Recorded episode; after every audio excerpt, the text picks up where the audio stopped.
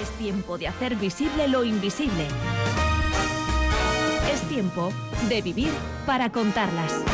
La reciente aparición entre las propuestas culturales de libros, de películas, de series de televisión que revisitan y redefinen la figura de la icónica Sisi emperatriz ha renovado el interés por la joven, bella y desdichada princesa bávara que se convirtió en emperatriz de Austria y tiempo después también en reina de Hungría.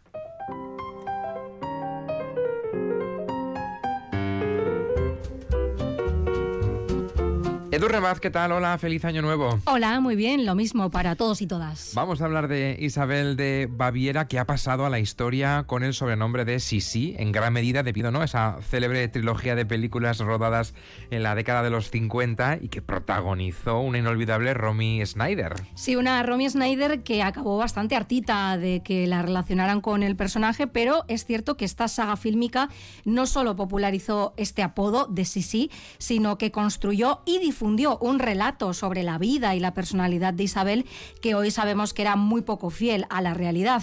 Nos preguntamos quién fue realmente Isabel de Baviera, ese espíritu rebelde que preso en una jaula de oro sucumbió a la melancolía, pues desde luego lo que sabemos es que su vida estuvo muy lejos de ser un cuento de hadas.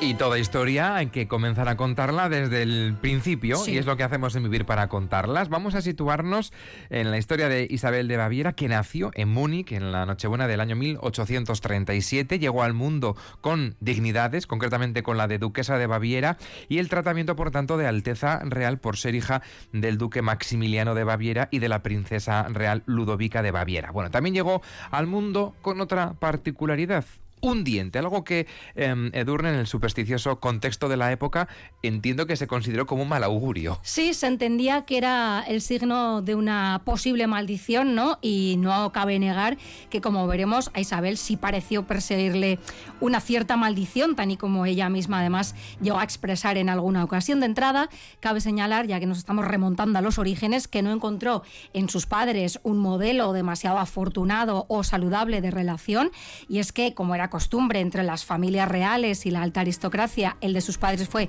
un matrimonio esencialmente de conveniencia y, como suele ocurrir en estos casos, bastante infeliz. Pese a todo, tuvieron ocho hijos en común, entre los que se incluyó Isabel, a la que el mundo acabaría conociendo como Sisi. Todos ellos se criaron en suntuosos palacios, pero de una forma bastante libre, en contacto con la naturaleza y razonablemente felices, aunque con esa falta de afecto paterno-maternal propia de estos contextos, porque lo más parecido a una figura maternal que solían conocer los niños y niñas de esta condición, pues solía ser una institutriz. Y este fue, por supuesto, también el caso de Isabel. De ella no se esperaba mucho más que un provechoso matrimonio.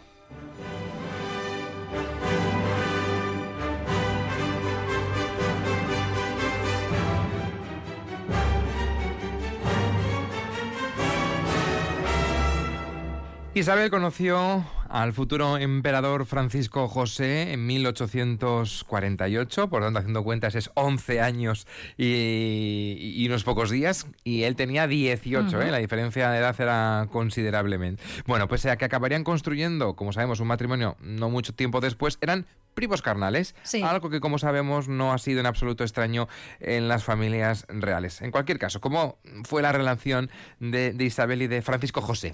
Bueno, endogámica, como dices, que es algo habitual en estos círculos, y pero hay que decir que después de aquel primer encuentro, que ni funifa, pues no volvieron a verse hasta cinco años después, en 1853, y aquí, claro, la cosa ya cambió, ya empezaron a fijarse sobre todo él en ella, ¿no? Para entonces él ya había sido coronado emperador tras la abdicación de su tío, y todo emperador necesita una emperatriz, ya que en resumen lo que necesita es un heredero. Esta era la prioridad sin duda de la madre del emperador, la archiduquesa Sofía, que se empeñó a fondo para encontrar a la candidata ideal y spoiler, su favorita no era Isabel. La archiduquesa se decantó en realidad por Elena, alias Nene, a la sazón hermana mayor de Isabel y con un carácter mucho más dócil, disciplinado y obediente que la impetuosa Sisi. Pero en aquel segundo encuentro, como decía, Francisco José ya dijo, caramba, esta chica, ¿no?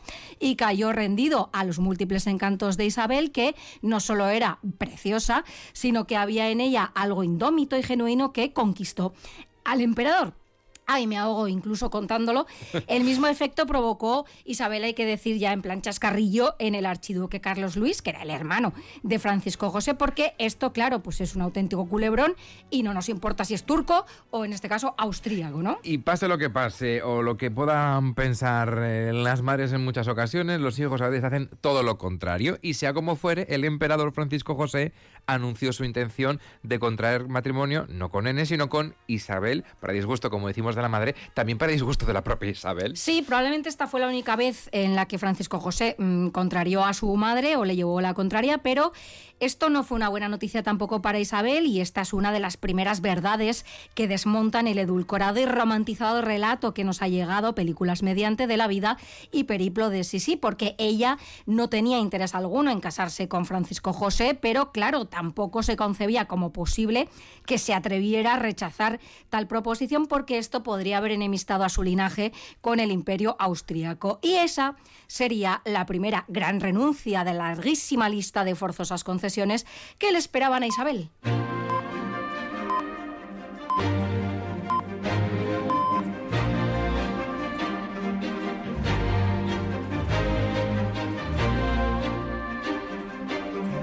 Tuvieron un efímero noviazgo. El 24 de abril de 1854 Isabel de Baviera se casó en Viena con el emperador Francisco José. Lo cierto es que siempre se entendieron bastante bien, si bien no se puede afirmar, eso sí, que ella estuviera enamorada de su marido, al que además tenía que compartir con todo el mundo.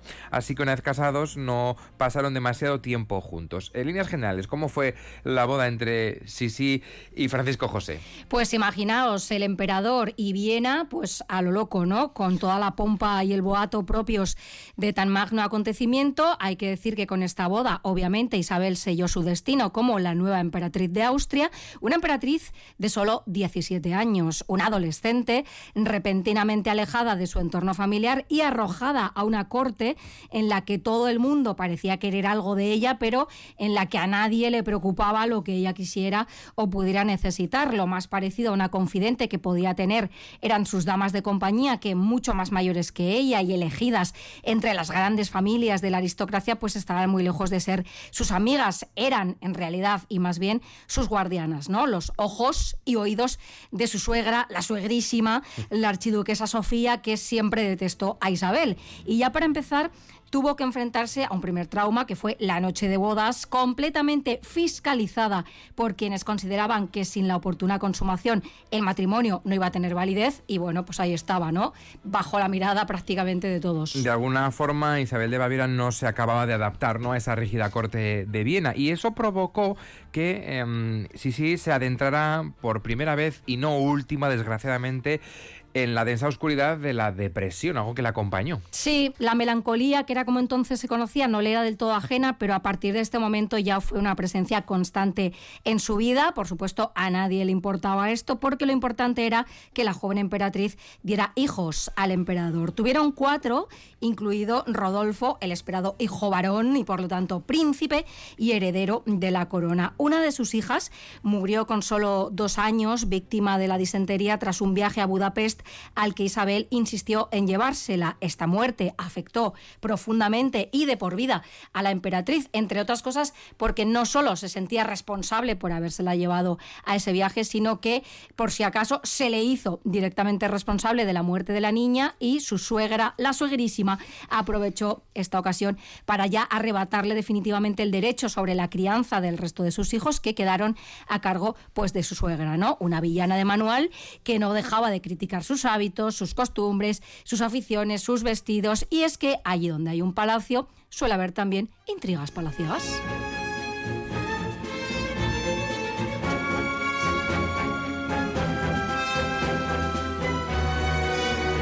Hoy en Vivir para contarlas estamos eh, recordando la historia de Isabel de Baviera, más conocida como Sisi. No tenía en la corte imperial nadie en quien confiar de verdad. Todas las personas que la rodeaban albergaban algún interés particular respecto a su persona y las que no se dedicaban a cuchichear a sus espaldas o directamente a burlarse de sus consideradas excéntricas costumbres. Claro, viendo el contexto, la época, el lugar, no sé qué se consideraba en la época eh, excéntrico. Bueno, hay que decir que ella sí era excéntrica, pero claro, es que entonces eh, todo lo excéntrico, en el caso de las mujeres, pues era lo que se saliera de, las rígidas costumbres ¿no? vigentes en la sociedad en general y, por supuesto, en la corte en particular. ¿no? Y hay que decir que Isabel contaba, en efecto, con un perfil poco frecuente entre las mujeres de la época y mucho menos entre las mujeres vinculadas a la realeza o a la alta aristocracia. Le interesaba cultivar el intelecto, era amante en concreto de la cultura clásica, cultivaba la poesía, incluidos poemas satíricos sobre su familia que podría haber publicado como Harry, ¿no? De la familia real británica. Ella disfrutaba de actividades como la equitación o las masculinizadas cacerías, también fumaba, incluso se hizo algún tatuaje, había eh, sin duda... Ese, me parece alucinante. Fascinante, maravilloso. Bueno, pues era algo mm, por supuesto extraño, excéntrico en este contexto, pero ella siempre fue una mujer con algo indómito ¿no? en su interior, una rebeldía que parecía buscar oxígeno entre las grietas de esa rígida corte imperial y, por ejemplo, nos resultan muy reveladores los versos de un poema que ella escribió poco tiempo después de casarse, en el que podemos leer, desperté en un calabozo con esposas en las manos, mi nostalgia crece día a día y tú, libertad, me volviste la espalda. Pero la presión a la que vivía sometida y la inmensa soledad que se sentía en esa vida cortesana se tradujo en recurrentes manifestaciones psicosomáticas como cefaleas, náuseas o una depresión nerviosa, ¿no? entonces conocida como melancolía.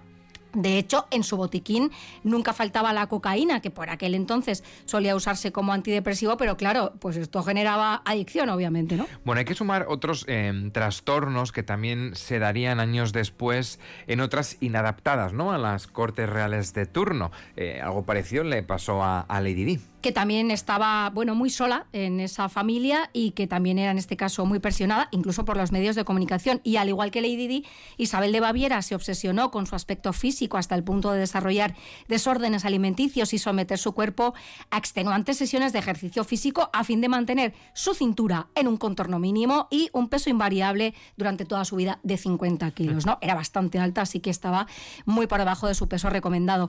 Muestra de la compleja y poco saludable relación que ella estableció con su aspecto físico por sentirse juzgada constantemente es el hecho de que a partir de los 35-40 años no volvió a dejar que nadie la retratase, ni en fotografía ni en pintura, y también empezó a utilizar un velo, una sombrilla y un abanico con el que se tapaba la cara cuando consideraba que alguien se estaba acercando demasiado a ella y que podría verle pues, las arrugas. ¿no?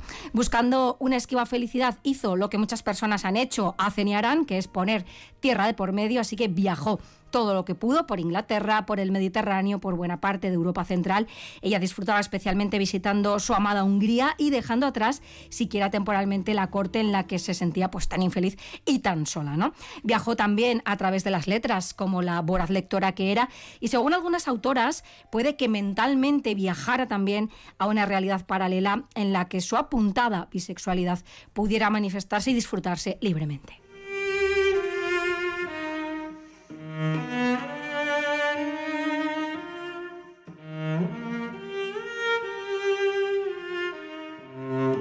Ya estamos viendo que la vida de Isabel de Baviera no fue fácil, pero es que dentro de todo lo que nos has contado todavía hay que retorcer algo más la historia, porque el destino le reservaba otro duro golpe. En 1889 su único hijo varón, el príncipe Rodolfo, se quitó la vida junto a su, amante eh, a los 30 eh, años. Supongo que este hecho le, le causaría muchísimo dolor. Un dolor irreparable, ¿no? Como a cualquier madre o padre, pero es que en este caso parece ser que su hijo era bastante parecido a ella y que también compartía con ella esa sensación de asfixia por la responsabilidad y expectativas que recaían sobre él como heredero del imperio austrohúngaro y bastante traumatizado por esa dura educación militar que había recibido de niño, aunque hay otras teorías bastante fundadas que afirman que su muerte no fue en realidad un suicidio, sino un crimen de Estado debido a las ideas liberales de las que Rodolfo hacía gala hoy por hoy. La verdadera causa de su muerte sigue siendo una incógnita, aunque según ha trascendido los dos cuerpos, el de él y el de su amante, presentaban signos de violencia. Tras la muerte de Rodolfo, ella, como decimos, se sumió en una profunda depresión, abandonó Viena y ya vistió de negro durante el resto de su vida. Compró un barco al que llamó Miramar y se dedicó a recorrer Europa y parte de África. Y si bien el contacto con su marido fue siendo cada vez más espaciado, intercambiaron una prolífica correspondencia en la que parecían profesarse un cariño sincero. Es más, ella aceptó de buen grado la relación de su esposo con una actriz de la que llegó a hacerse amiga, pero la historia de Isabel de Baviera ya está escrita y por tanto a nadie va a sorprender su desenlace.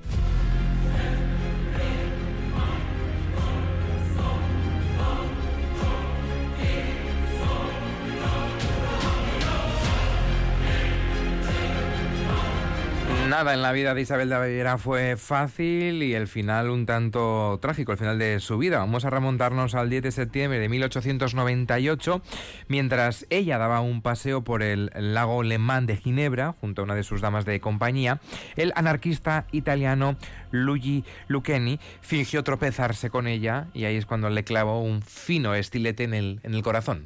Hay que decir que la emperatriz no solo no murió eh, de inmediato, sino que ni siquiera fue consciente del ataque sufrido hasta que poco después, al subirse al ferry con destino a un balneario, empezó a sentirse mal y se desvaneció cuando le soltaron los ropajes para que pudiera respirar. Descubrieron ¿no? esa sangre que emanaba de la pequeña herida que, le había sido infligida, pero ya nada pudo hacerse por su vida, murió con 60 años y resulta paradójico que, según parece, Sisi no era la víctima inicialmente elegida por Lucchini, quien en realidad había había planeado atentar contra Enrique de Orleans, pretendiente al trono francés, pero tras leer en el periódico que la visita del príncipe francés se había cancelado y que la emperatriz austríaca estaba de visita en la ciudad, pues decidió cambiar sus macabros planes.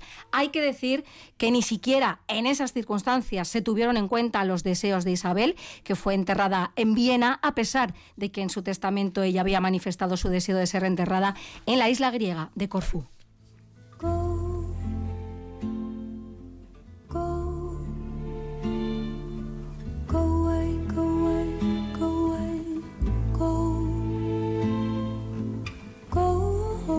Hoy en Vivir para contarlas, como decíamos, hemos recuperado la historia de Isabel de Baviera. Decías tú al principio, una mujer con un espíritu rebelde que estuvo preso toda su vida ese, espíritu en una, en una jaula de oro, ¿no? Totalmente. No vamos a decir que fue la persona más desafortunada de su época porque ella nació entre algodones, pero su vida, como hemos visto, no fue precisamente fácil, ¿no? Las jaulas de oro, pues eh, no se las deseamos ni a nuestros peores enemigos tampoco.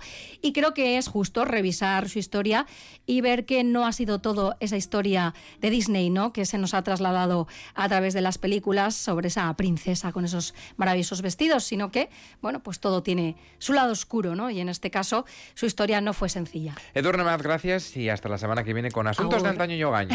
Abor. Abor.